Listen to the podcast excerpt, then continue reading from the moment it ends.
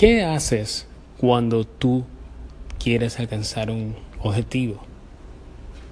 ¿Tú te desesperas tanto por el resultado final? ¿Es todo tu esfuerzo y toda tu energía dirigida a alcanzar ese resultado final? Y siempre que pasa algo te desesperas porque te sientes o más lejos o, te sientes eh, distraído de qué es lo que tú quieres conseguir.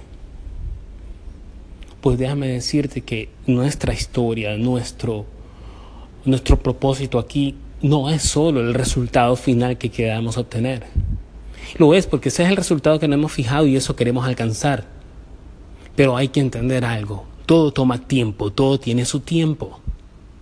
Lo creas o no, todo tiene un tiempo en nuestras vidas.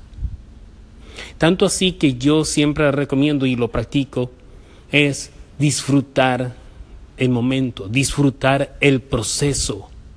Disfruta la cacería. Es como cuando tú vas de cacería, tú más que alcanzar o el afán de tener a tu presa, te divierte el momento, la cacería, la táctica, el movimiento, el esconderte, el estar seguro cuándo va a ser el momento de atinar.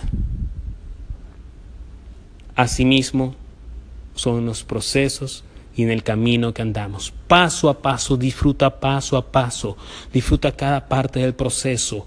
Enamórate del proceso, disfruta el proceso, fallas, tienes éxito, te caes, te levantas, vuelves a caerte, vuelve a levantarte con más fuerza. Disfruta el proceso. Porque al final del día tu historia no estará basada en el resultado que hayas obtenido o en el objetivo que hayas alcanzado. Tu historia será contada por ti y por otros por lo que hiciste durante el camino para alcanzar ese objetivo. Esa va a ser tu historia de éxito.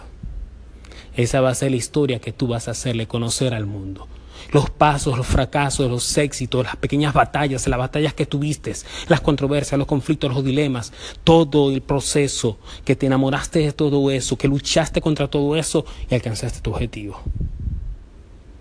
La historia es sobre ti, la historia es sobre nosotros, la historia es sobre lo que hacemos en el camino para alcanzar nuestro objetivo.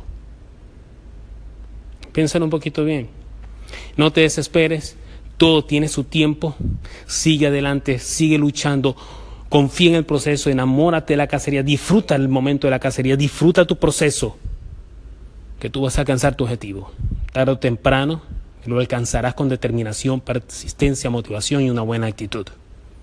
Mientras tanto, disfruta el proceso. ¿Qué tú crees? Construye y batalla. Hasta la próxima.